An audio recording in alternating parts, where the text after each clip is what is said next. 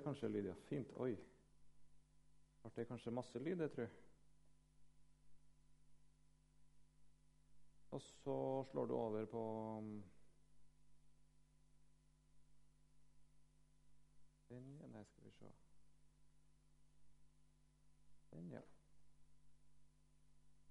Sånn. Fint. Da må jeg ønske velkommen til bibeltime. Nå um, er det noen av dere som ikke var med første gangen.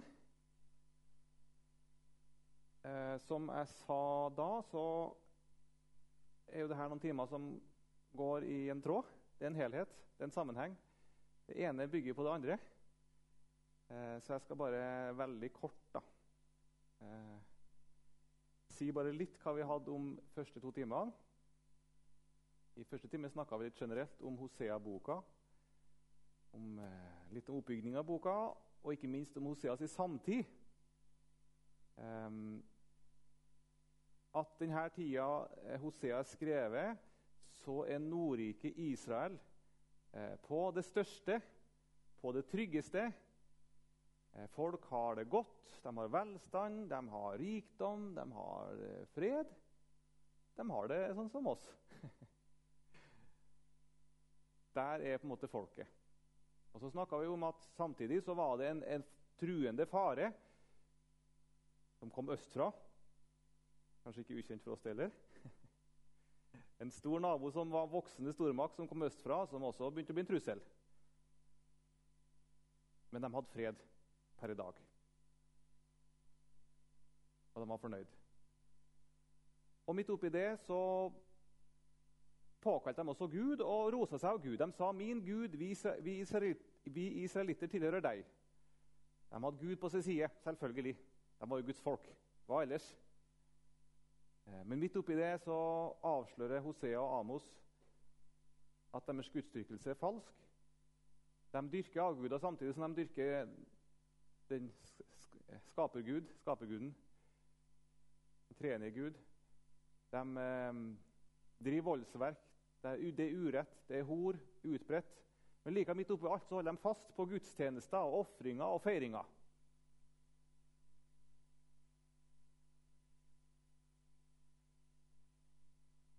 Og så snakka vi videre om at um, for Gud så er deres guds, gudsdyrkelse faktisk blitt det verste.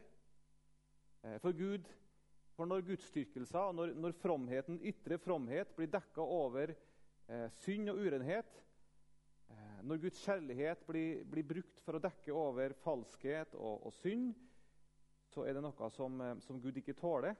Det er noe som byr han imot. Og deres gudsdyrkelse er blitt deres verste synd, sa vi sist gang. Og Så sa vi videre noe om og Vi stilte spørsmålet hva hjelper vel alle kristelige ytringsformer dersom hjertet henger fast ved denne verden? Ofrene og gudstjenesten ble en makelig erstatning for den personlige hengivelse.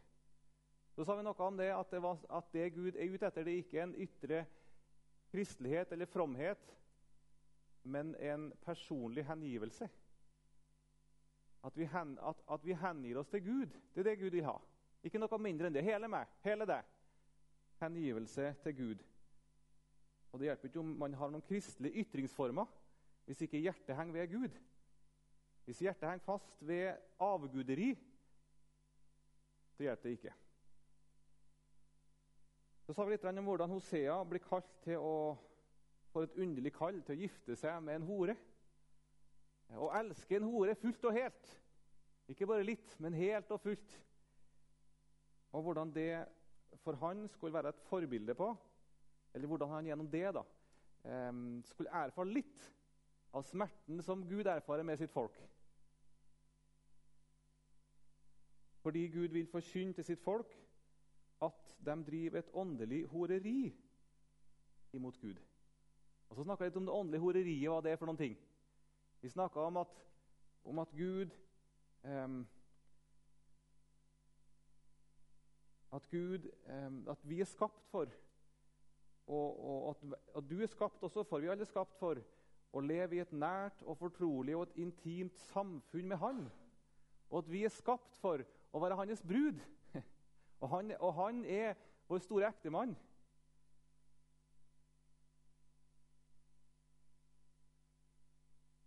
Og Vi snakka om at eh, det ekteforholdet, det ekteskap som Gud kaller oss inn til, at det er det egentlige, det opprinnelige, det ideelle ekteskap. Det er, det er begynnelsen, det, Mens våre ekteskap det er bare noen blanke avskygninger eller noen dvast, gode kopier av det ideelle, av det egentlige. Og at vi er kalt inn i samfunn med Han, i fortrolig enhet med Han, ja, i et åndelig ekteskap med en skaper og Gud. Og det er den sammenheng snakka vi om sist. At Gud da bruker begrepet horeri og hor. At dere har falt ifra levende, hor, dere, eh, levende Gud. Dere er utro mot den levende Gud.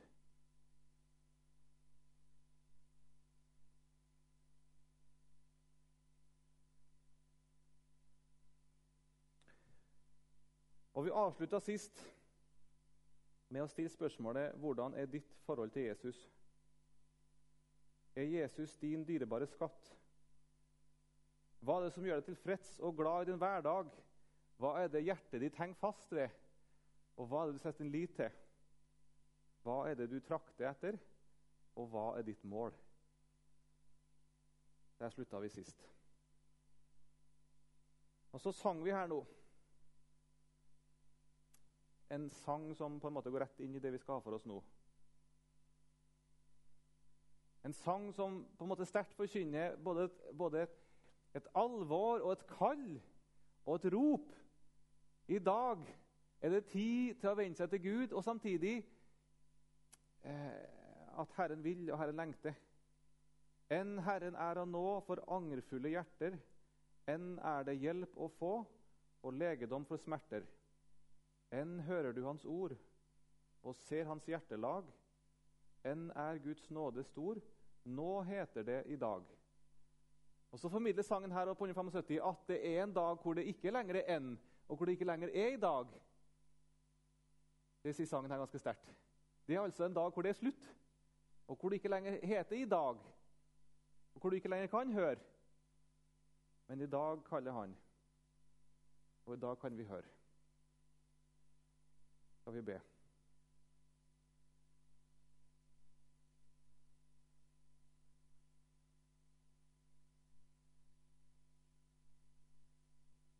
Herre, du evige Gud og Far, i Jesus Kristus.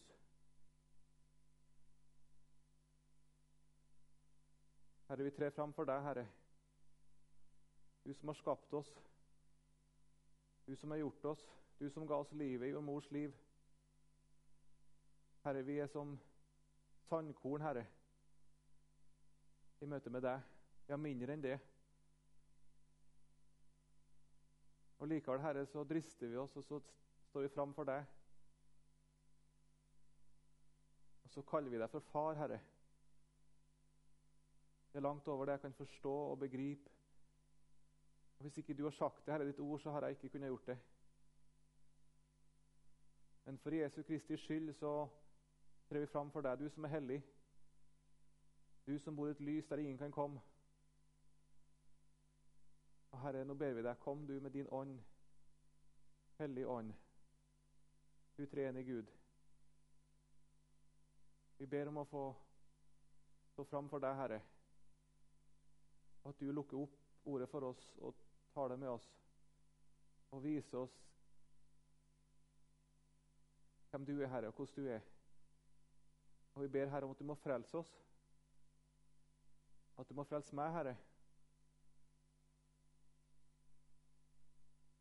Herre, hvis ikke du frelser, hvis ikke du berger, så dør vi. Så er vi fortapt. Men Herre, du som er kjærlighet, vi ber deg, kom du til oss. Amen.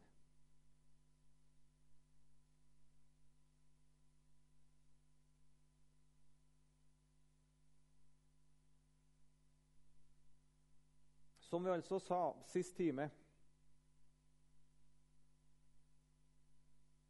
så er den evige skapers hjertetrang det er å få deg til sin brud.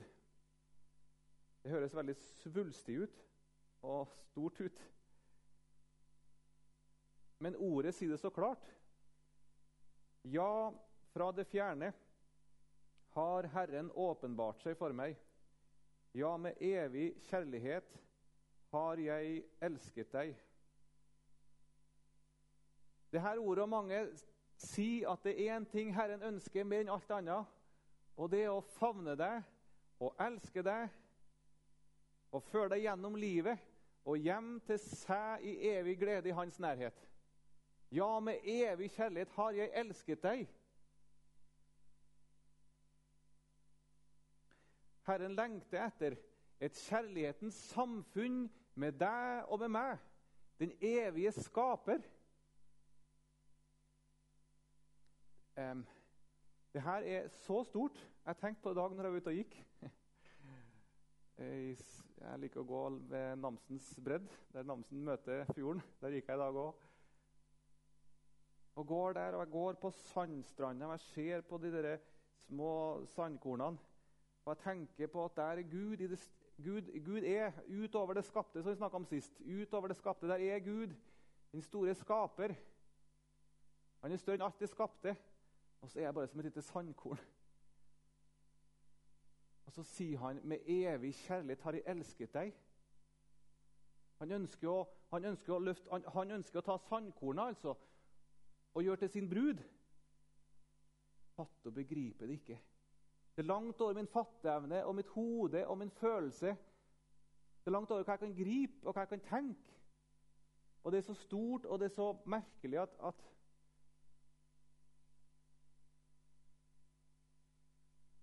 Jeg må bare høre hva han sier.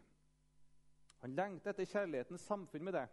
Gud skapte ikke roboter som var ferdigprogrammert inn på å elske Gud. Det kunne han gjort. Han kunne ha skapt roboter som går rundt omkring. Men er det kjærlighet som er ferdigprogrammert inn og skal elske Gud? Nei, han skapte noen som villig kunne gi hjertet sitt er det ikke det som er kjærlighet? Det at det er to stykker som har hver sin vilje, men som sier til hverandre 'Jeg vil gi meg til deg. Jeg vil elske deg. Jeg vil.' Jeg, har, jeg kjenner på at det vil jeg gjøre. Det er kjærlighet, er det ikke? Det er ikke kjærlighet hvis noen tvinger deg til å elske. Nei, Gud skapte noen som, noen som han ville. Noen som han ville skulle gi hjertet sitt. Av full og fri vilje. Han skapte ikke roboter. Og Herren må ha ditt hjerte. Han er ikke fornøyd med mindre enn hele ditt hjerte. Hele deg. Vil han kunne noe annet? Han som er kjærlighetens opphav, som vet at det å elske, det å elske helt og fullt og 100% Forpliktende alltid. Skulle han være fornøyd med noe annet? Eller syns du det er for masse for langt at han forventer hele deg? Han som har skapt, han som har elska, han som har ofra, han som bare ønsker å elske og gi. Nei, å elske Han er for den sanne brud ikke en plikt, ikke noe vi bør eller må eller kan, men den største glede. For jeg blir jo sånn elska sjøl. Er ikke sånn det er?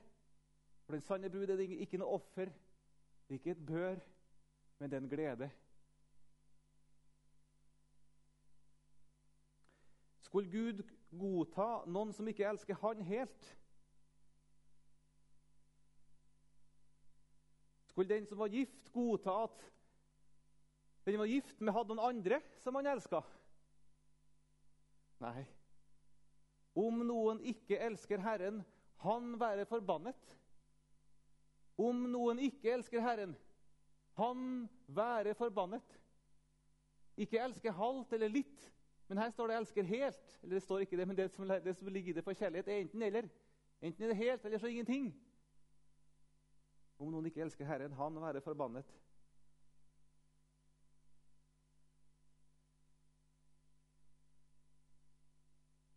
Men så er det sånn at han får ikke ditt hjerte om du søker han for å få noe. men når du søker Han for å få Han All sann kjærlighet Eller er aldri sann kjærlighet dersom en søker en, en annen en for å få noen ting, for å oppnå noen ting. Det er dem som søker en kjæreste, en ektefelle, for å få noen ting. For å få penger eller status eller sex. Det er ikke sann kjærlighet. Det er bare sann kjærlighet dersom den som søker en annen, søker den andre, den andres person. Da er det dypest sett den andres hjerte, den andres egentlige jeg, som blir søkt, som, som en ønsker å ha. En person her. Bak alt det ytre så er det en person her som jeg vil ha tak i. Et hjerte. Det er kjærlighet. Når det er to hjerter som møtes, og som vil ha hverandre. Bak fasaden, bak alt det andre, bak all medgift eller hvis det er sånne ting med da. Bak alle ting. Der er det noen hjerter som vil møtes. Det er kjærlighet. Og Når jeg sier det her, så jeg, tenker jeg på det moderne mennesket. Og så ble jeg litt trist og lei meg. Hvor lite det vet av hva sann kjærlighet er. Hvor mye det søker. Hvor, hvor, lite erfaring man har med å søke virkelig den andres jeg. Ja.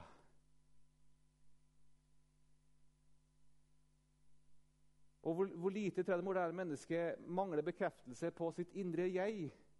Uavhengig av skallet, uavhengig av hva man gjør. Det er mitt jeg som elskes av de andre. Det vet dere som har vært. Eller også dere som ikke var gift, men som også kjent det i vennskap. Noen som elsker meg. Jeg, mitt jeg. Sammen med meg er hva jeg har gjort. Det er mitt jeg. Og så er det sånn at sånn gjør vi også i forhold til Gud. Av naturen så søker vi ikke ham, men vi søker noe hos ham. Sånn er vi skapt ved fallet. For å få noen ting. Vi søker Gud for å få hjelp, for å få velsignelse, for å få trygghet, for å få helse, for å få økonomi, for å få følelser, for å få opplevelser, for å få kraft. Og når mennesket opp, da søker Gud og ber til Han og gir seg til Han, og så opplever man ikke noen ting, opplever man ikke det man forventer å få, så går man så såra og skuffa vekk. Jeg fikk ikke det jeg forventa å få. Det kanskje var lovt. Det skjedde jo ikke noen ting, eller det ble ikke det jeg hadde tenkt, eller jeg opplevde ikke det jeg hadde tenkt, eller Så går man skuffa vekk.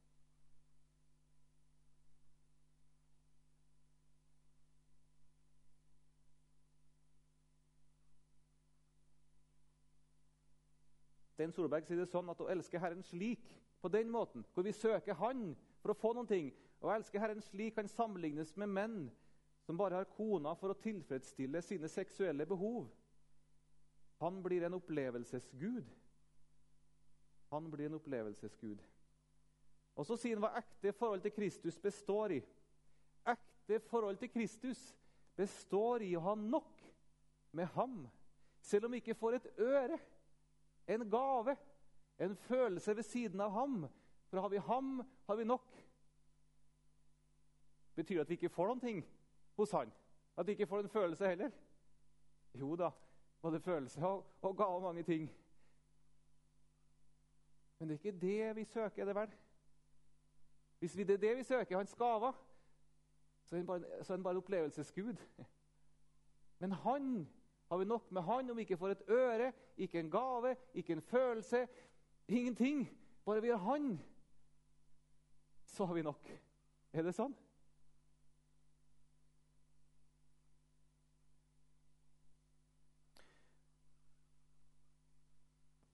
Og Så leste jeg fra Hoseas bok sist. De roper ikke til meg fra hjertet, men de ligger på sitt leie. De, de ligger og hyler på sitt leie. De trenger seg sammen for å få korn og most, men de vender seg bort fra meg. Sånn er det også med Israels folk, sier Gud. De vel vil de ha korn og most. De roper til meg, ja, de roper, de hyler etter meg. Men det er etter meg de vil ha. De vil bare ha korn og most. De vil ha mine gaver. Er Gud virkelig din Gud? Er han den første i ditt liv? Har du han ikke først, så har du ikke han i hele tatt. Og så gir kjærligheten seg uttrykk i Hvis vi virkelig elsker Han, så gir det sin uttrykk i at vi i alle ting gjør Hans vilje. Den du elsker, vil du gjerne være til glede for. Og i dette tilfellet han som bare er lys, han som bare er kjærlighet, han som bare er godhet, han kan ikke være sammen med det som er motsatt. Det er som to mektige magneter som ikke kan, kan møtes. Derfor, om du elsker Herren, om du elsker Herren, så stenger du det onde ute fra ditt hjerte. Alle harde ord, alle harde tanker, alt ondt begjær, all hovmod, all stolthet. Du stenger det ute hvis du elsker Han. Det er den store lyst og glede å gjøre og si og tenke Hans gode vilje i alle ting. Jo bedre det gikk med landet hans, dess vakrere billedstøtter gjorde han seg. De drog opp til Assur, lik et villesel som går sine egne veier. Efraim kjøper seg elskere. Ikke bare var de utro i det at de begynte å dyrke avguder, men også i det hvor de søkte sin hjelp når de var i nød. Når de var i nød og hadde fiendehærer og fiendtlige, fiendtlige land rundt seg som begynte å bli mektige, hva gjorde de for noen ting da? Søkte de da til Gud og søkte hans hjelp? Nei, da søkte de til naboland og søkte om hjelp. Og så sier Gud at de kjøper seg elskere. De kjøper seg nabostater som deres elskere. De valgte Syria, Asyria, Egypt og avgudene. For hva er en avgud for noen ting? Pontoppidan sier det sånn at en avgud er alt som et menneske dyrker, frykter, elsker, stoler på, i stedet for den eneste sanne Gud. Vi stanser litt for enkelt de enkelte punktene. En avgud, altså. Har du en avgud i ditt liv? En avgud er alt som et menneske dyrker, i stedet for den eneste sanne Gud. Ja, Der kanskje slipper vi greit unna. Er ikke noen, ingen av oss som har en husgud eller avgud stående hjemme. Er det det? Nei. Dyrke. Alt som et menneske dyrker, i stedet for den eneste sanne Gud. Men så på toppen at en avgud er alt som et menneske frykter, i stedet for den eneste sanne Gud. Er det noe du altså frykter? Mer enn Gud, eller du frykter for, eller det? Kan det være mennesker du frykter for? som kommer opp for ditt hjerte, og som du ikke ser Gud lenger, eller det kan være fiender, eller det kan være farer. Det kan være sykdom. Frykter du det mer? Eller i stedet for Gud? Så sier Potopidan det er en avgud. Eller en avgud er, et, det er alt et menneske elsker, i stedet for den eneste sanne Gud. Alt et menneske elsker. Ja. Penger eller hva det kan være. Elsker i stedet for den eneste sanne Gud. Eller en avgud er alt et menneske stoler på. I stedet for den eneste sanne Gud. Stole på. Er det noe sånt i ditt liv som du stoler på, elsker eller frykter i stedet for den eneste sanne Gud? Hvem og hva elsker du? Er du lykkelig her og nå fordi du er trolova? Du er bestemt for, du er forlova med den evige brudgom. Er det ditt mål, det du sikter mot, det du på en måte har øye for, og det du, det du på en måte planlegger mot? Samme hva som kommer i veien. Samme hva som farer som kommer i veien, eller hva som ting som kommer i veien. Du sikter imot det målet. Du er trolova. Mot det evige bryllup med Han. Hva er du tilfreds med? At du får en del av Herrens velsignelser? Eller at du får del i Han sjøl? Så skal du høre hva C.S. Lewis skriver. Våre begjær er ikke for sterke sin. De er for svake. Vi er som uvitende barn som ønsker å fortsette å lage sølekaker i slummen fordi de ikke kan forestille seg hva det innebærer å tilbringe ferie ved sjøen. De blir så altfor lett tilfredsstilt. Hva blir du tilfredsstilt ved? At du får del i noen av Herrens velsignelser og gaver? Eller han alene?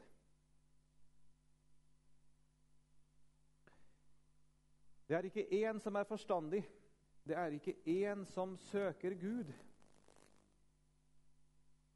Ja, Men det er ikke mange som søker Gud, da? Det er ikke mange? Nei, sier Rombrevet, det er ikke én som søker Gud. For ingen, ikke ett menneske har søkt Han. Men bare hans ting, bare hans gaver. Men ingen søker Han.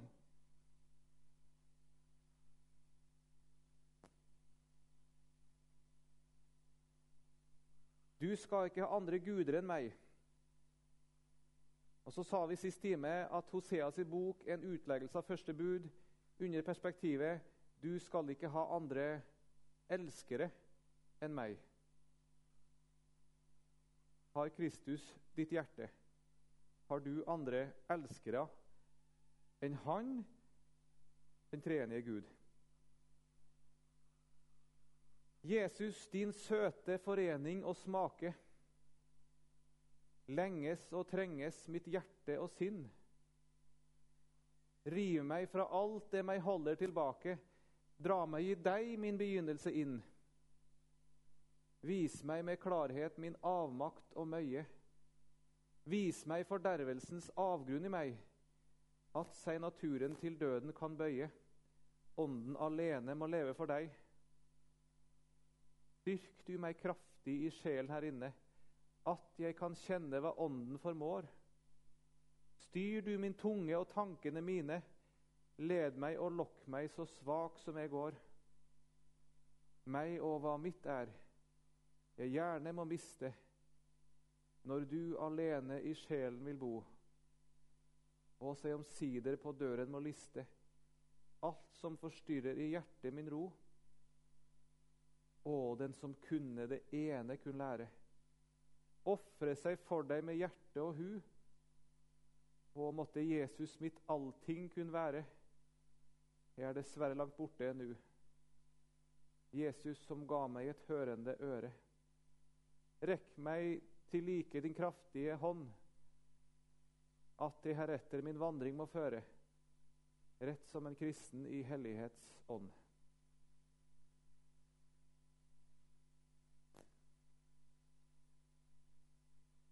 Hvor mye nød kommer det ikke av i vårt liv at vi ikke er tilfreds med bare Gud? Bare Gud. Ja, Men det er jo ikke det jeg trenger. Jeg trenger jo hjelp. Jeg har et problem. Jeg har jo en nød. Jeg trenger at Gud hjelper meg med det. Jeg trenger ikke bare Gud. Jeg må få, få noe annet enn Gud. Er det ikke sånn det er ofte når vi er i nød? Når vi er i sorg? Bare Gud. Gi meg noe annet, da. Gi meg hjelp. Ja, men hvem er han? Hvem er det han er? Han er den veldige. Det står, om, det står om Israel i Hosea at Israel glemte sin skaper. Et sterkt uttrykk, det. Israel glemte sin skaper. Du har vel ikke glemt din skaper? Skaper. Det er et sterkt uttrykk. Gud er skaperen. Du har ikke glemt din skaper. Gud vil én ting med deg og meg, at vi har nok med Han. Og slik er det Gud Bli Gud i ditt liv. Da får han virkelig være Gud når du har nok med Han. Og Da får det bli sånn som David sier, 'Herren er min hyrde, det mangler meg ingenting'. Tror du ikke at David følte at det mangla ingenting? Jeg tror han følte at det mangla mange ting. Men jeg erfarte erfart det at likevel sånn kjempa seg om det. At når jeg har Gud, så mangler jeg dypest sett ingenting. For da har jeg dypest sett alt. Eller Paulus, som hadde det her i hans liv, som var en sånn til plage, som var en sånn til nød, som var en sånn til sorg, og som gjorde at han ikke kom noen vei. Han satt bom fast. Han følte at 'nå kommer jeg ingen vei'. Denne tornen i kjødet som han skriver om, nå sitter jeg bom fast. Og så sier han til Gud, 'Gud, du må ta det her vekk ifra meg.' 'Jeg kan ikke le med det her, Gud.' Og så svarer Gud, og så sier han det, 'Min nåde er nok for deg, Paulus.' Paulus, når du har meg, så har du nok, kjære Paulus. Er du tilfreds med å ha meg? Er du tilfreds med å ha, ha guddommen, ha skaperen Gud, eller vil du ha noe mer? Vil du bli fri? Vil du være sterk? Vil du ha kontroll, Paulus? Hva vil du egentlig, Paulus? Er du fornøyd med å ha meg?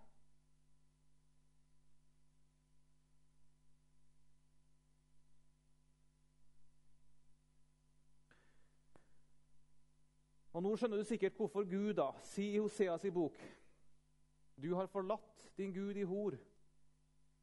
Eller som det står i 2011 Du har horet deg bort fra din Gud. Du møter altså her en Gud som sier, som vi leste i starten Med evig kjærlighet har jeg elsket deg.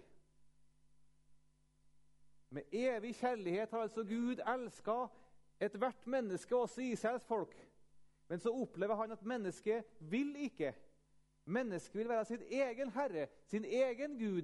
Vil ikke være fornøyd med å ha den store Gud som sin kjærlighet. Ikke fornøyd med det. Ikke fornøyd med Gud. Han sier, 'Med evig kjærlighet så elsker jeg deg.' Mennesket sier, 'Nei, jeg er ikke fornøyd med det.'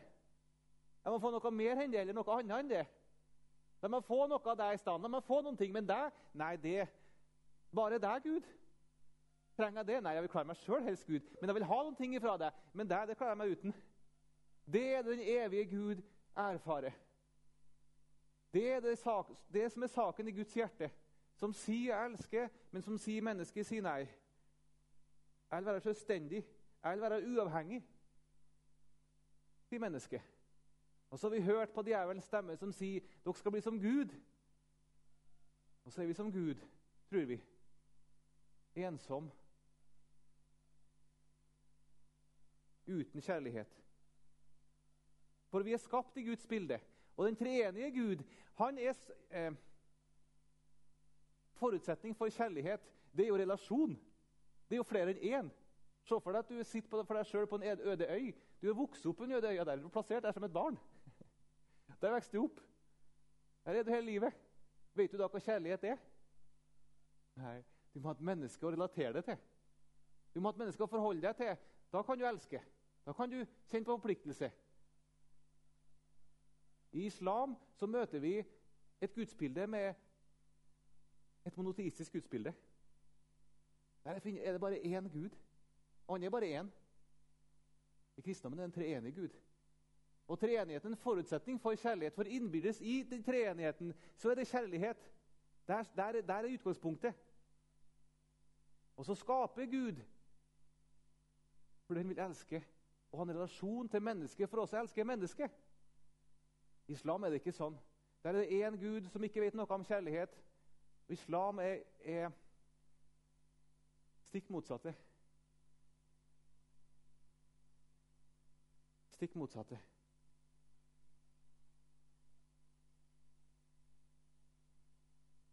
Her er et lite sitat av Kjell Skartveit.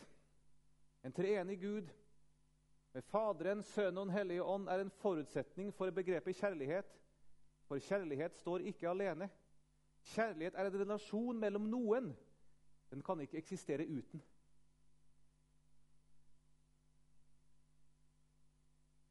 Så står det lenger ned. Guds hensikt med skaperverket er å få en relasjon mellom seg og det skapte. En relasjon som gjenspeiler treenigheten. Og Det er det C.S. Lewis mener med at mennesket blir ikke mindre menneske med å bli en kristen, men mer. Det blir mer av seg selv. Derfor gir det mening å si at Gud skapte for å gi kjærligheten videre. At Guds natur fører til en skapning der relasjoner er en logisk konsekvens, og der kjærligheten kan dyrkes og foredles.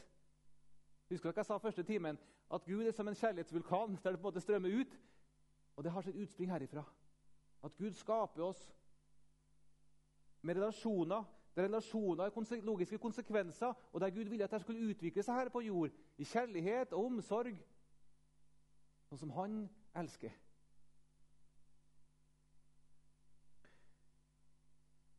Gud er kjærlighetens Gud. Men hva skjer da når kjærligheten ikke blir gjengjeldt? Når altså mennesket går sin vei og snur seg? Da sier Kjell Skartveit videre én ting er at treenigheten er en forutsetning for kjærlighet.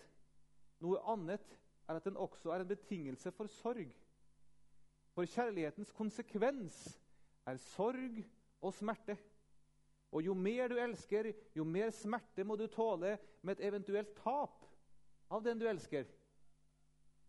I kristendommen har vi derfor en lidende Gud. Her møter vi en Gud som lir. Hvor møter du ellers det hen i alle verdens religioner? Jeg skulle si aller minst i islam. Ikke en lidende Gud. En lidende Gud. Her er det en lidende Gud. En Gud som smertes på dypet fordi kjærligheten ikke blir gjengjeldt. Og det er nettopp det og Nå nærmer vi oss igjen Hosea. Nå har jeg vært litt vekk fra Hosea, men det er det vi møter Hosea. Det er det som kommer sånn veldig tydelig fram Hosea. Det er såra kjærlighet, det er krenka kjærlighet. Det er kjærlighetens opphav som ikke blir gjengjeldt, men krenka. Vi bruker et ord for det eh, i dagligtale. Vi snakker om sjalusi. Nå er sjalusi et negativt lada begrep som gjerne kan gi assosiasjoner til hevn. På samme tid så eh, har også sjalusien noe genuint riktig med seg og viktig med seg. Men det er et begrep som er litt sånn befengt med noe negativt. I Bibelen finner vi ikke begrepet sjalu, men vi finner begrepet nidkjær. Og det rommer noe av det her. Her står det sånn Du skal ikke tilbe noen fremmed gud, for Herren heter nidkjær. En nidkjær Gud er han. Herren heter nidkjær. Han heter det, og han er nidkjær. På svensk står det her 'nitelskan'. Nitelskan. Nitelskan. Så skriver Stein Solberg nidkjærhet er hans brennende iver og omsorg for vårt beste. Nidkjærhet er hans hellige kjærlighetsglød for sin elskede. En mektig ild for hans evige og indre flamme. Han reagerer med voldsom makt og styrke på synd og avguderi, mot alt som ødelegger hans elskede, alt som vil skille oss fra ham. Herren er nidkjær for alt han har skapt. Derfor bør det ikke overraske noen at han er nidkjær for mennesket, sin høyeste skapning, og aller mest for sin troende menneskehet, hans barn og brud. Han er nidkjær, og han vil ha deg alene. Og det tilhører kjærlighetens vesen. Og det er jo poenget her. Og det vi nå skal møte, og vi møter noe av det sterkeste og skarpeste jeg finner kanskje i min bibel også, så må du hele tida tenke det er kjærlighetens vesen, nidkjærligheten. Det står jo sånn i høysangen òg Sett meg som et seil på ditt hjerte. Som et seil på din arm. For sterk som døden er kjærligheten, hår som dødsriket er dens lidenskap. Dens glød er som ildens glød, en Herrens flamme. Sånn er det med sann kjærlighet. Den vil, ja, jeg, vil, jeg, vil, at jeg skal settes på, min, på Edel sitt hjerte som et segl. Jeg vil liksom besegle hennes hjerte. ikke sant? Der er det bare jeg som skal inn. Et segl skal det være. Det stempelet skal besegles med meg, og så skal hun besegles i mitt hjerte. Ingen andre skal inn der. Sett meg som et seil på ditt hjerte. Sånn er kjærligheten. Sett meg som et segl på ditt hjerte som et segl på din arm. Og så står det For sterk som døden er kjærligheten, hår som dødsriket er dens lidenskap. En sklød er som ildens glød, en Herrens flamme. Sånn er kjærligheten. En flamme som ild. Og så gjør Gud det han kan for å få sitt folk tilbake, leser vi Hosea sin bok. Derfor har jeg hogd løs på dem ved profetene, drept dem ved min munns ord. Dommene over deg for ut som lyn. Han sendte profeter som forkynte de skarpeste domsord, de hardeste ord, for om mulig å vekke dem. Men de hørte ikke etter. De ville ikke. Så prøvde han å ta fra dem goder, prøvde å ta fra dem gaver. Jeg lot dere gå med tom munn i alle deres byer og lot dere mangle brød i alle deres hjem. Men dere har ikke omvendt dere til meg, sier Herren. Han sendte dom over dem. Han sendte ulykke over dem. Men folket var like fullt hard og vendte seg bort. Og samme hva han gjorde, så lyktes det ikke på grunn av utuktens ånd som er deres indre. Det snakka om sist gang. Om at de har en utuktens ånd, eller horeånd, i deres indre. De var kronisk utro, Israels folk. Og som vi sa også sist gang, det som står om Israel, det er som et forbilde på hvordan mennesket er. For sånn er også mennesket. Kronisk utro. Og nå møter vi Hoseas i bok en Gud som er fortvila. Han er fortvila. Du møter en Gud, en skaper, som er gjennomført fortvila. Og så må han gå sin vei. Han er såra i sitt innerste, for hans folk vil ikke la seg elske. Og Jesus sier noe av det samme. Jerusalem, Jerusalem, du som slår i hjel profetene og steiner dem som er sendt til deg, til deg. Hvor ofte vil det samle dine barn som en høne samler kyllingene sine under vingene. Men dere ville ikke. Se for deg hønemora der hun går og tripper. Og med kyllingene rundt seg. Og så ser hun hauken som flyr over. Faren kommer. Og så kaller hø hø høneungene inn. Men de vil ikke. De vil ikke. Og nå har synda blitt himmelropende. De tenker ikke på at de kommer i hu all deres ondskap. Når deres gjerninger omringet dem, de er kommet fra mitt åsyn. De tenker ikke på det. De tenker ikke på det. Tenker De har glemt det. Nå vil han komme i hu deres misgjerninger og straffe dem for deres synder. Efraims misgjerning er samlet opp. Hans synd er tatt vare på. Vi synger en sang. Han har kastet alle mine synder bak sin rygg. Han ser dem ikke mer. Det synger vi. Ser du her er det stikk motsatte som sies. Jeg har samla det opp, jeg har lagra på det, jeg skraper det sammen. Jeg kaster ikke bort noen ting. Jeg samler det opp. Det kommer opp til meg. Jeg har tatt vare på det.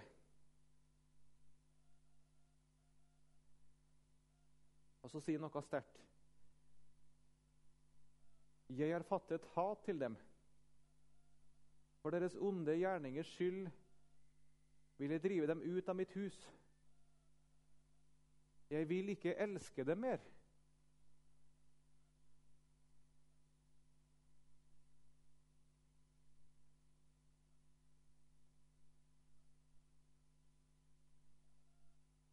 Er Jeg har fattet hat til dem. Jeg vil ikke elske dem mer.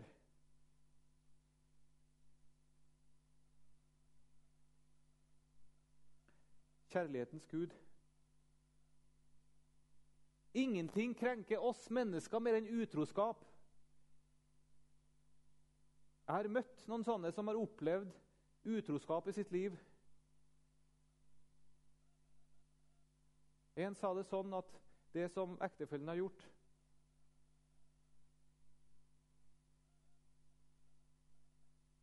Den kunne gjort hva som helst annet, men ikke det her. Ikke det her. Det krenka så dypt, det såra som på dypet. Hva som helst annet, men ikke det her. Utroskap krenker kjærlighetens vesen. Det krenker det dypeste i oss. Og når vi reagerer normalt og legitimt, vi som mennesker, som er syndige mennesker, reagerer normalt og legitimt, hvor mye mer skal ikke Gud reagere? Og det du ser her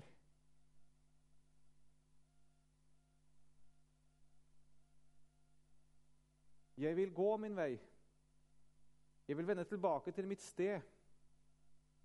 ved dem når jeg forlater dem. Og når Gud går sin vei, da er det bare mørke og død igjen.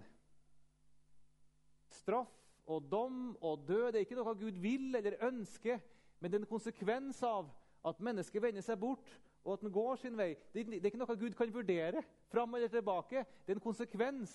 Mennesket vil ikke. Vil ikke. Da går Gud sin vei. Da er det ikke noe annen mulighet.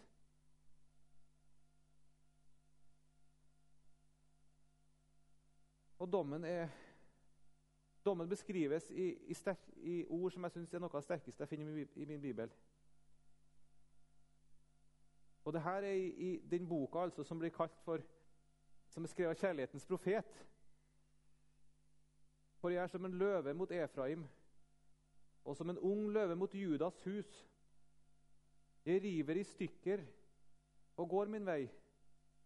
Jeg sleper byttet bort, og det er ingen som frelser. Jeg vil gå min vei. Jeg vil vende tilbake til mitt sted.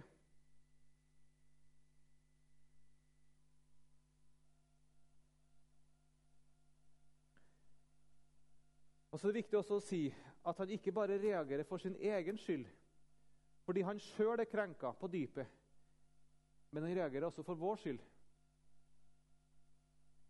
Vårt liv, vårt sanne jeg, er skapt for Herren, vår evige ektemann. Vi fungerer ikke rett uten ham. Han er vårt rette element. Alt avguderi bryter oss ned som mennesker. Det å elske Herren er godt og rett for selve den, vår menneskelige natur.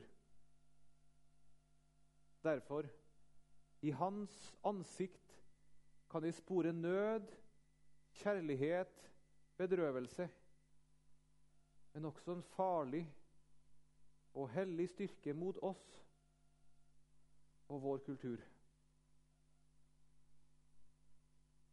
Og Her er et ord til slutt som jeg tenker det er nesten for sterkt til å lese. Men vi leser det likevel.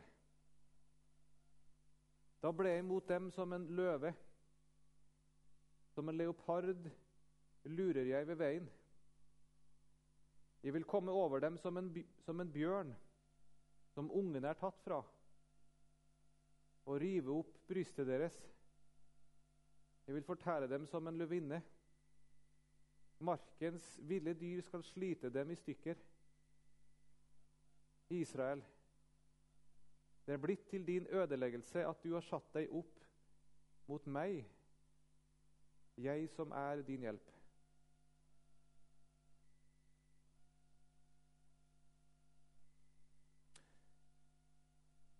Så det er kanskje et um,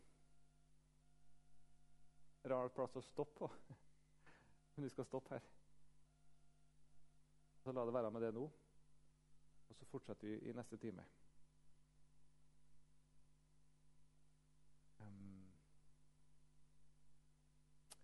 kanskje det, vi skal ha en sang, forresten. For å få en overgang. Som har en sang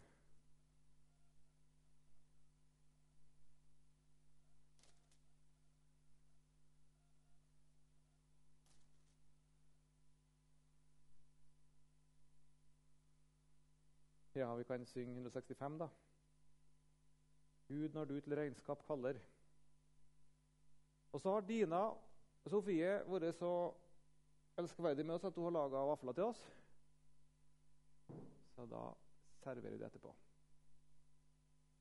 Har vi et kvarters pause eller sånn.